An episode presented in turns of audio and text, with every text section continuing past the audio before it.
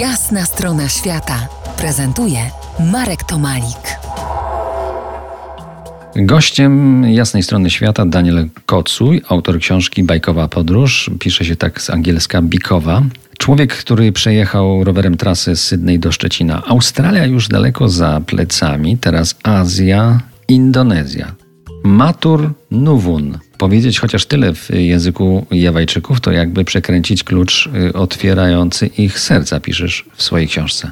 Po indonezyjsku i także po malajsku dziękuję to terima kasih, ale Jawajczycy mają swój własny język i nauczyć się choć paru słów w tym języku, który brzmi trochę jak język minionków kreskówkowych, to naprawdę potrafi zdziałać bardzo dużo i może się okazać, że uśmiechnięci y, i przyjaźni ludzie stają się po prostu jeszcze bardziej przyjaźni i, i, i, zapraszają nas y, do siebie.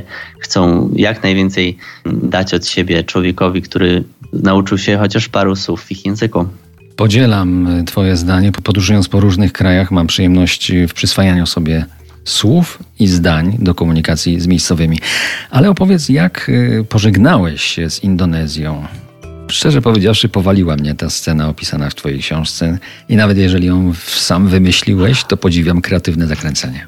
Absolutnie nie wymyśliłem tam niczego, to nie jest zmyślone. Tak się rzeczywiście wydarzyło. Byłem na żywo na antenie e, telewizji e, nadającej na całą Indonezję i no niestety nie poczułem się najlepiej i musiałem wybiec z tego wywiadu nagrywa, na, emitowanego na żywo. Ale dokładnie co się tam wydarzyło i jak, no to już bym zepsuł po prostu niespodziankę, to trzeba doczytać. No, wybrnąłeś z tego bo to, to jest naprawdę wyjątkowo pikantna historia. A powiedz, a jak było z bezpieczeństwem na trasie? Zagrożenie w Azji od człowieka? No, wyczytałem, że niekoniecznie. Jakbym miał podsumować, y, taką, stworzyć taką krótką listę y, niebezpieczeństw i ich źródeł na mojej ścieżce, to na pierwszym, na szczycie tej listy byłaby moja głowa własna. To z niej się wywodzi najwięcej niebezpieczeństw y, na mnie czyhających na, za, za każdym zakrętem. Następną rzeczą są zwierzęta i rzeczywiście zdarzyły, zdarzył się atak owadów, które boleśnie mnie pokąsały ale zdarzyło się też na przykład najechać na węża rowerem. I ten, ten wąż to prawdopodobnie był pyton, który się przetaczał sobie powoli ulicą i ja nie zauważyłem go wystarczająco wcześnie, więc zrobiłem unik, ale zahaczyłem o jego ogon.